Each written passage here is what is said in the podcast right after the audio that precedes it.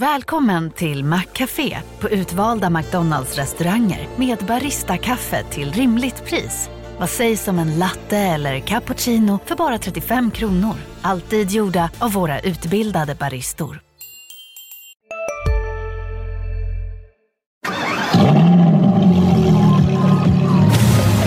Dagens Industris stora bildag den 11 december på Clarion Arlanda i Stockholm möter du några av den svenska och internationella fordonsindustrins tungviktare. Bland annat Håkan Samuelsson, VD för Volvo Cars, Ola Källenius, tillträdande VD för Daimler, Sarah Jane Williams, ansvarig för Smart Mobility på Ford i Europa och Christian von Koenigsegg, grundare av sportbilstillverkaren Koenigsegg Automotive. Hur påverkas branschen av nya testmetoder och hårdare utsläppsgränser? Behövs verkligen miljözonerna? Kommer förbränningsmotorer att förbjudas? Räcker bonus-malus för att ställa om fordonsflottan? Hur ser framtidens styrmedel ut? Välkommen till Dagens Industris stora bildag den 11 december. Anmäl dig på di.se konferens och hitta framtidens väg för bilbranschen.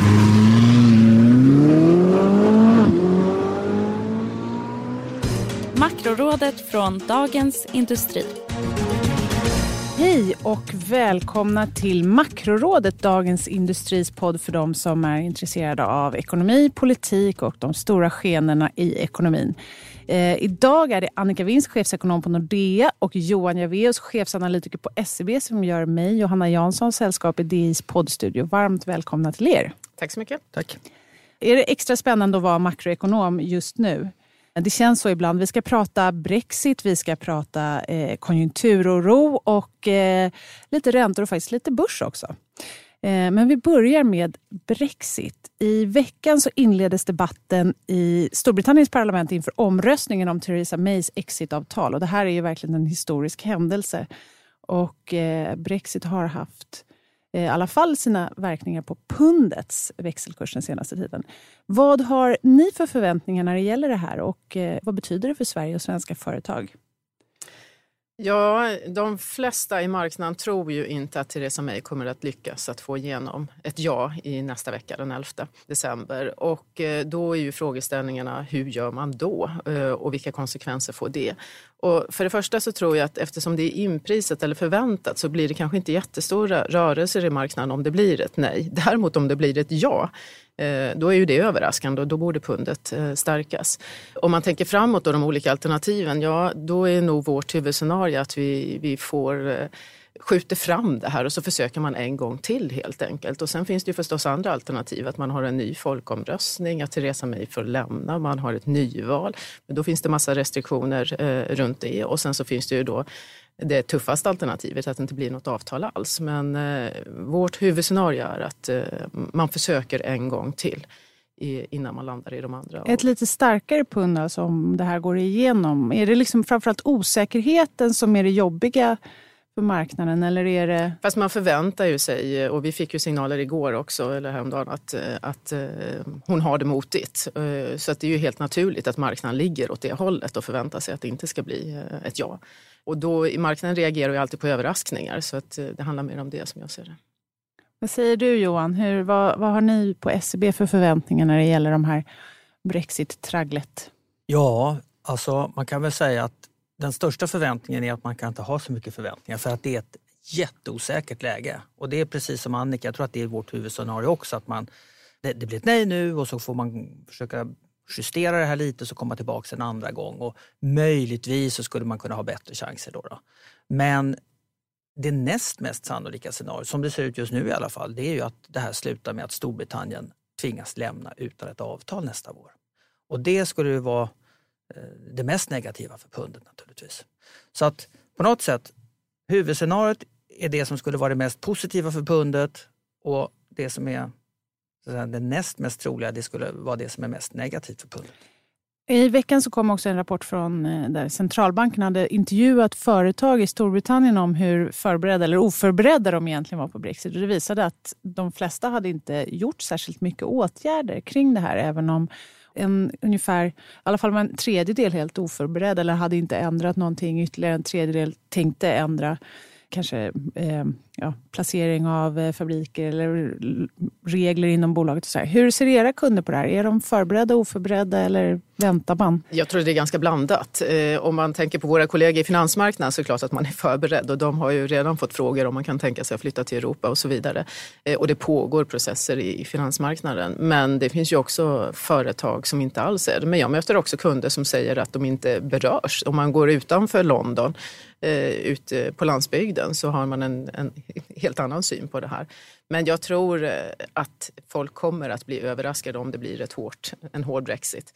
Eh, för det är enorma, avtalslöst, det som Johan ja, det är enorma konsekvenser eh, och det är ingen förberedd på.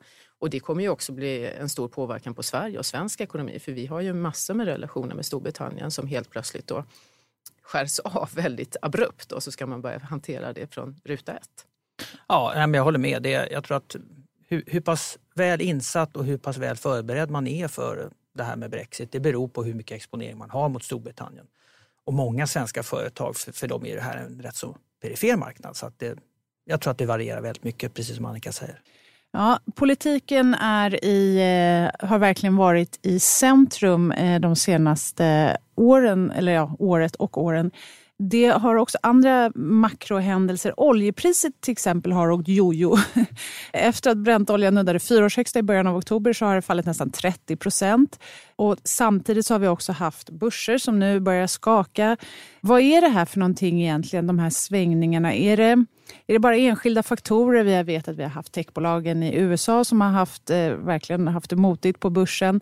Och när det gäller Brent så är, handlar det om vad OPEC ska eller inte ska göra med utbudet. Men handlar det bara om de här enskilda faktorerna eller är det något djupare än konjunkturoro som ligger i det här? Vad säger du Johan? Alltså jag skulle säga att om man tittar på framförallt börser då, så skulle jag säga att konjunkturoron är nog den stora drivkraften nu tillsammans med räntor. Jag tror att handelskriget och frågor som Brexit, det, det är mycket mer perifert för, för börserna i alla fall. Så det som gör att marknaden just nu skakar extra mycket, det skulle jag vilja koppla då till eh, vad vi ser i eh, de här konjunkturindikatorerna. Det finns ju den här avkastningskurvans lutning, helt enkelt skillnaden mellan tioåriga och tvååriga räntor i USA som ju har varit en alldeles utmärkt eh, ledande indikator för om vi ska få en recession eller inte. Och den är ju nu farligt, farligt nära att bli negativ, vilket då skulle indikera att vi någon Det vill säga att långa räntor är lägre Precis, än korta räntor? En korta ränta, mm. ja. Och den typen av, av miljö är väldigt, väldigt negativ för börserna. Om man tittar på den amerikanska eh, S&P 500 och ser hur den har utvecklats, hur det indexet har utvecklats under perioder vi har haft recession så har ju börsen då fallit, jag tror att det är 12 av 14 gånger som vi har haft recession tillbaks till 30-talet. Så att eh, det är klart att det blir nervöst när vi ser den här typen av, av förändringar som signalerar att det sämre tider står, står och väntar. Samtidigt så är ju avkastningskurvan, det beror på vad handlarna på marknaden handlar. Det betyder att någon på ränt, antingen att räntemarknaden förväntar sig då en recession eh, av någon anledning. Men det kan också bero på vad centralbankerna gör, eller hur? De har ju varit med och bidragit till att trycka ner de här långa räntorna. Annika, vad säger du? Är du orolig för konjunkturen eller är det är det någonting annat ja, som ligger bakom det här? Jag skulle säga att konjunkturoron har kommit ganska snabbt. Eh, vi ekonomer som håller på med det har ju sett att vi börjar närma oss någon form av avmattning. Men den senaste tiden har kommit ganska mycket svag data från många håll och kanter. Och USA har ju varit motorn och även där ser man nu tendenser till det. Vi ser det i Europa och vi ser det tydligt i Sverige. Men innan dess så skulle jag säga att då var det nog andra parametrar som till exempel Trumps utspel mot Iran påverkade oljepriset väldigt mycket. Och eh, precis som Johan varit inne på, vi har spett på eh, konjunkturen på toppen av en konjunktur med extremt expansiv penning och finanspolitik på många håll och kanter. Och även om Fed har höjt, amerikanska centralbanken höjt räntan, så, så har man ju ändå haft en expansiv politik med tanke på vilket konjunkturläge man har varit i. Och nu börjar man gå åt andra hållet och eh, då blir man orolig när man är på toppen för då är det rätt många som ska skifta om i sina portföljer och eh, det skapar en osäkerhet. Så att, eh, jag tror att vi får se en svagare konjunktur. Jag tror det är rätt många som kommer behöva revidera ner sina prognoser både vad gäller global tillväxt och vad gäller svensk tillväxt. Om man tänker, det, när en del av de här konjunkturindikatorerna som har vänt är ju inköpschefsindex till exempel, men de vände ju redan för, liksom, i alla fall i Sverige, redan för snart ett år sedan. Eh, så har de varit på väg ner. De är fortfarande höga, men sen i veckan fick vi faktiskt ett litet upptick i Sverige. Hur brant ser ni att den här konjunkturavmattningen ska bli? Vad pratar vi om om vi jämför, bara för att våra lyssnare ska försöka förstå? Är det liksom, ibland när man pratar om kriser så här så tänker alla att det ska bli som finanskrisen igen. Är det något sånt ni ser framför er? Eller? Eller... Ja, men då måste det ju hända något allvarligt internationellt och det kan det ju visst göra för, mm. för riskerna är stora och många där ute. Men det är ju inte huvudscenariet utan det vi pratar om, om man tar Sverige till exempel, då gissar jag att eh, då, nu har vi haft prognoser de närmaste åren som ligger på lite drygt 2. Jag gissar att man kanske landar lite under 2 procent.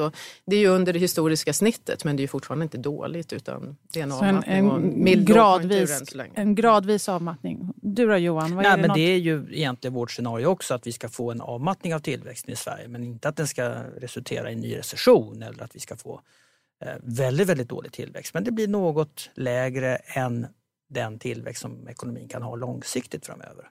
Men man får väl säga så här att eh, vårt öde det avgörs ju med vad som händer globalt. Och eh, ska man vara lite orolig så är det, det här led, ledande indikatorer som har börjat dippa rätt så kraftigt i många europeiska ekonomier, framförallt i Tyskland. Mm. Att euroområdet inte riktigt tar fart, det blir ett problem för oss. Eller tar fart. De har, om det, de blir, på det, inte. Om det blir på det sättet så ja. blir det ett problem för oss. Men sen så mm. ska man också vara tydlig med att för att vi ska få en recession i USA till exempel så ska deras främsta ledande indikatorindex ISM, då ska inte den ner till 50 eller strax under 50 utan då ska den ner till nivåer som är strax över 40.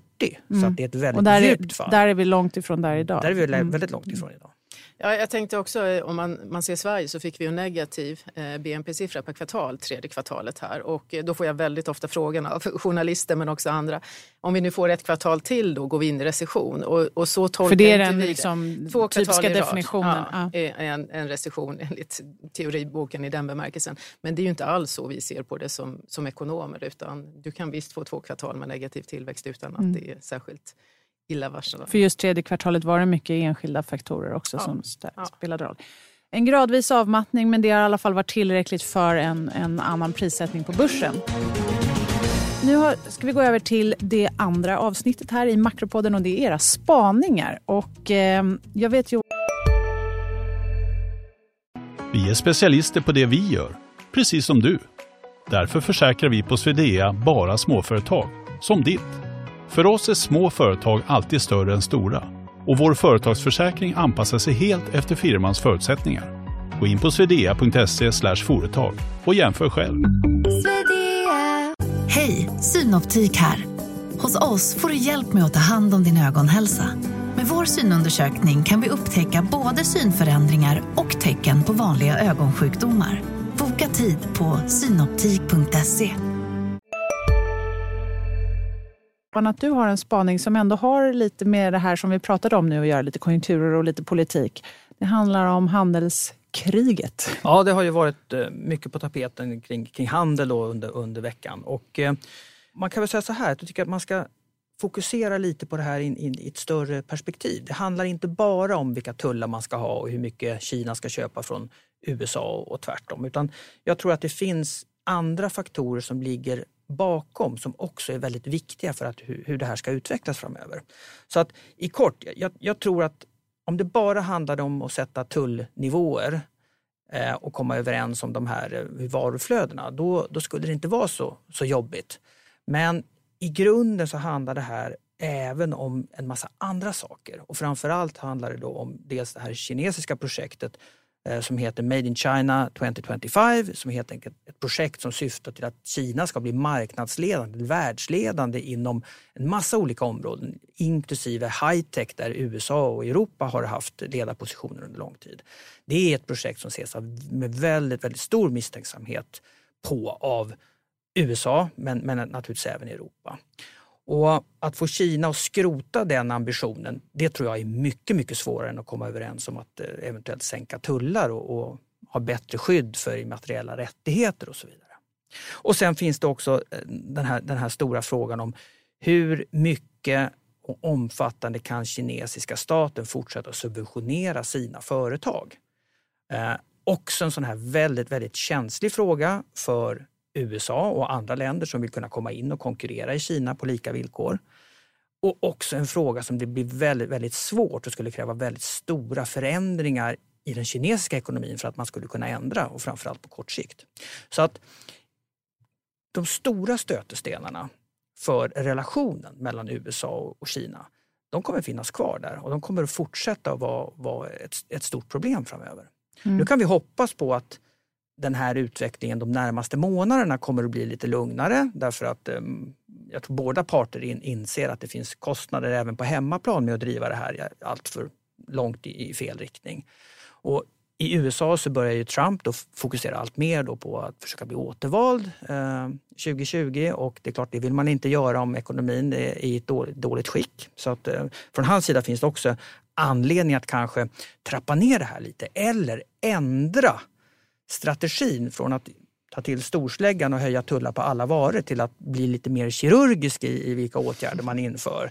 Till exempel lagstiftningsvägen börjar göra det svårare för kinesiska företag att köpa upp amerikanska företag i vissa sektorer och så vidare. Så Den typen av åtgärder tror jag vi kommer få se mer av framöver. Och det är lite som att handelskriget går från det här fullskaliga kriget till att bli mer av ett kallt krig, så ett kallt handelskrig. Vilket då skulle vara, det är inte bra, men det är ändå kanske något bättre för världsekonomin än vad vi har idag.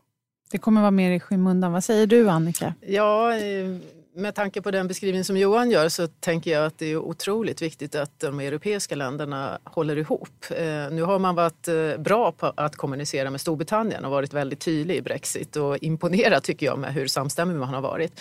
Men i den här frågan så är det också lika viktigt. Länder är alldeles för små i Europa för att kunna möta Kina eller USA själva och eh, den diskussionen skulle vi behöva ha eh, på mycket bredare front och mycket djupare att vi är beroende av varandra. Och det är ju lite bekymmersamt med tanke på hur det ser ut i Europa och de osäkerheter som finns i politiskt och i ledarskapet i nästan alla länder i Europa för tillfället. Trump har ju fått eh, nästan positiv kritik, eller i alla fall så har den negativa kritiken mot honom avtagit efter G20. Att man nästan har sett det här som en seger för hans mer hårdföra släggpolitik. Tänker du ändå jo, ni, att det här kan gå över till något mer fin lir när han ändå har liksom lyckats med det här första steget? Eller är det just att han har lyckats med det första steget som gör att han kan gå över till mer kirurgiska handelshinder? Om man kommer ihåg vad hans vallöfte var eh, 2016 så var det ju faktiskt att han skulle krympa det varuhandelsunderskott som USA har med Kina och det har han ju inte lyckats med. Det har ju faktiskt ökat under de två år han har varit president hittills. Så att jag vet inte det kanske handlar mer om att försöka skylla på andra faktorer och, mm. och sådana saker än att, än att verkligen göra slag i saken och försöka ändra det där underskottet. För att mm. det, det är svårt att göra. Jag tänker att betta på vad Trump gör, eh, det, det är modigt. Han har ju eh, bytt fokus och taktik eh, många gånger under sitt ledarskap och det tror jag att han kan göra framöver också, det vill säga överraska. Desto viktigare då att Europa arbetar tillsammans och är starka mot den omvärld vi möter. Mm, det här kanske är EUs claim to fame, alla de här svårigheterna. Vem vet? Mm. Ja. Jo, nästa spaning, Annika, då blickar vi mot Sverige. För vi har ju pratat nu om eh, tidigare om hur börser eller aktiepriser och även oljepriser och så påverkas av en viss konjunkturoro. I botten kanske ligger också att centralbankerna faktiskt för första gången på länge inte ger samma stimulans till ekonomin. Vi har haft räntehöjningar i USA och vi har mindre likviditet det kanske påverkar oss här hemma också. Mm, och det är min spaning att eh, priset på pengar börjar faktiskt bli eh, högre idag. Och vi har ju sett, precis som du sa, att USA har höjt räntan, men även priset på pengar, och där börjar det bli kännbart. Men även priset på pengar på hemmamarknaden börjar gå i en annan riktning. Och det som jag tycker är slående när jag reser runt i landet och träffar allt från företag till eh, kommuner och landsting, det är att man inte är förberedd på det här. Man har så länge varit i en period att det ska vara låga räntor, att man som kommun ska få betalt för att låna pengar och eh, man är inte alls beredd på det och att likviditeten är en självklarhet där ute. Och det tror jag är väldigt viktigt med tanke på att, vad vi pratade om innan, att eh, här gäller det att fundera. Det är mindre än tio år sedan det inte fanns full tillgång till likviditet. Och så när du säger priset på pengar, då menar inte du bara liksom Riksbankens utlåningsränta eller boränta, utan du menar också tillgången på... Ja, ja, men framförallt så handlar det ju om att nu när man är i ett skifte, då börjar mm. man titta på vilken risk olika företag och kommuner har. Innan har alla kunnat finansiera sig väldigt billigt. Vi har badat i likviditet och pengarna har varit väldigt billiga och då behöver man, när allt går åt rätt håll så behöver man inte vara lika noggrann.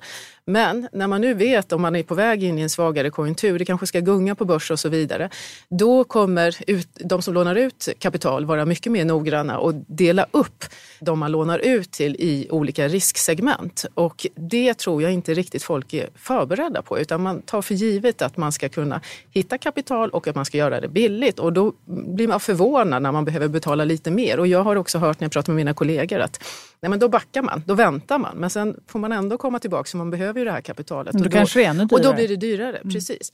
Och jag tycker också att det är oerhört viktigt att fundera över likviditeten. Har man inte gjort det i de goda tiderna så vet vi från historien att det är nästan uteslutet att bygga de relationerna när det är kris. Det är för sent. Och det är därför jag tycker det är så otroligt viktigt att reflektera. Det är kanske den viktigaste uppgift man har idag som, Som företag? som, ja, som ledare, oavsett om du sitter i offentliga sektorn eller som företagsledare eller i en styrelse. Att ha koll på det här och utvärdera det eh, betydligt oftare idag. Mm, jag, jag håller fullständigt med. Jag tycker det är en bra spaning också. Och eh, jag tycker att en sektor som kommer att, där det finns risk för faktiskt ett blodbad om den här utvecklingen verkligen tar, tar, tar fasta och, och, och blir mer kännbar, det är startup-företagen som ju har varit eh, väldigt, väldigt omhuldade under många år nu och det har i princip kastats pengar på en massa olika, både bra och dåliga idéer får man väl säga. Men, men som sagt, blir det svårare att skaffa pengar och kapital framöver så är den sektorn rätt så ex, exponerad för problem skulle jag säga. Hur tror ni att eh, centralbankerna ser på det här själva? Alltså till exempel Riksbanken eller ja, Eh, Riksbankens kollegor ute i omvärlden. Om man börjar se, vi ser ju redan i Sverige att konkurserna faktiskt har ökat senaste året. Är det ett problem för dem när de ska börja höja räntan eller är det en del i det här när man ändå ska börja dra tillbaka, mildra trycket i pengaduschen som vi haft över oss de senaste åren? Jag tror det finns ganska stora skillnader och det beror också på hur djupt det blir. Jag känner mig ganska övertygad om att Fed till exempel eller ECB kommer backa direkt om de märker att de tar för stora kliv framåt och det är framförallt Fed som tar kliv framåt nu. Däremot så tycker jag väl att Riksbanken har uttryckt sig eh, ska man säga, lite nonchalant om att hushållen måste klara de här räntehöjningarna och så vidare. Alltså vi är ju oerhört räntekänsliga och det är ju företagen också för att man har invaggats i den här miljön. Och om igen, det finns många människor som är unga där ute som aldrig varit med om något annat än att räntan har gått ner och ofta behöver man bränna sig innan man inser vad det kan kosta. En kris är ganska nyttig lärdom för de flesta och, och nu har vi många som inte varit med om det, inte tagit höjd för det. Och då, då är det väldigt viktigt att centralbankerna är försiktiga i sitt sätt att agera. Men betyder det att ni tänker att räntan inte behöver stiga särskilt mycket för att det här ska bli kännbart? Alltså att det inte handlar om några chockhöjningar av räntan utan det kan Fast det, beror, med... det beror lite på vad man pratar om. För hushållen så tror jag att räntorna är, där är man väldigt räntekänslig. För företagen så skulle jag säga att det är nog inte räntorna som knäcker dem. De kan ju liksom göra att vissa investeringar inte blir intressanta utan då är det ju likviditeten som är det bekymmersamma. Spännande. Ehm, Det är en ny fas helt enkelt som vi är inne i. Lite mer riskaversion både på börsen och kanske även på andra marknader. Det finns all anledning att lyssna på Makrorådet, inte bara idag utan även framöver. Om vi blickar lite framåt så har ni också med er eh, vad ni kommer titta på framöver de närmaste veckorna i alla fall. Det är den sista delen i podden, veckans viktigaste. Vad, eh, vad kommer du hålla ögonen på Johan? Det blir, även om vi nu är rörande överens, både, både vi här och även marknaden om att det kommer bli ett nej, så kommer nog ändå den här omröstningen i Storbritannien den 11 att vara det som jag sätter främst. Just det, 11 december då faller domen över Theresa May. Annika, vad Ja, kommer ja, du ta- Det titta på? gör jag också skulle jag säga. Men om jag ska komplettera med någonting så har vi också ett riksbanksbesked innan jul eh, och det är väldigt viktigt. I marknaden så är det ju inprisat ganska tydligt att man ska höja i december och man har inte gett någon ytterligare kommunikation om att det kanske inte blir så. Vi har fått svagare siffror och det betyder att eh, om man då inte höjer i december, det vill säga överraskar marknaden, så tror jag att vi får ganska stora kronrörelser och vi kan också få en diskussion om trovärdigheten för Riksbanken. Vad tycker, du att de, eller vad tycker ni att de borde göra? Ja, nu har de ju varit tydliga med att de ska höja och det är det man Mm. förväntar sig i marknaden och det brukar vara dumt att överraska. Av den aspekten så kanske det är rimligt att höja, men de är ju väldigt sent på bollen. Eh, och de kommer ju förmodligen vara ännu senare på bollen om de väntar till februari. Jag tror att en höjning nu är inget problem vare sig för marknad, hushåll eller företag. Så länge vi befinner oss på minusnivåer då, då tycker jag egentligen att eh, höjningar borde man göra nästan reflexmässigt. Men jag tror att signaleringen om hur mycket räntor behövs höjas framöver kommer att bli mycket viktigare för marknaden. Mm. Det blir spännande. Det ser vi fram emot. Det är precis innan jul. En kanske något ovälkommen men ändå väntad julklapp. Tack så hemskt mycket Johan Jeveus och Annika Winst. Och eh, tack till alla som har lyssnat. Vi hörs framöver. Makrorådet från Dagens Industri.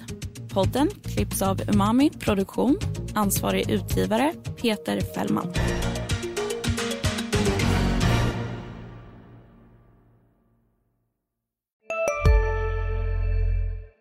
Hej, Susanne Axel här. När du gör som jag och listar dig på en av Krys vårdcentraler får du en fast läkarkontakt som kan din sjukdomshistoria. Du får träffa erfarna specialister, tillgång till lättakuten och så kan du chatta med vårdpersonalen.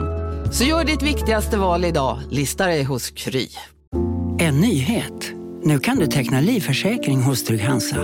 Den ger dina nära ersättning som kan användas på det sätt som hjälper bäst. En försäkring för dig och till de som älskar dig. Läs mer och teckna på trygghansa.se. Trygg Hansa. Trygghet för livet.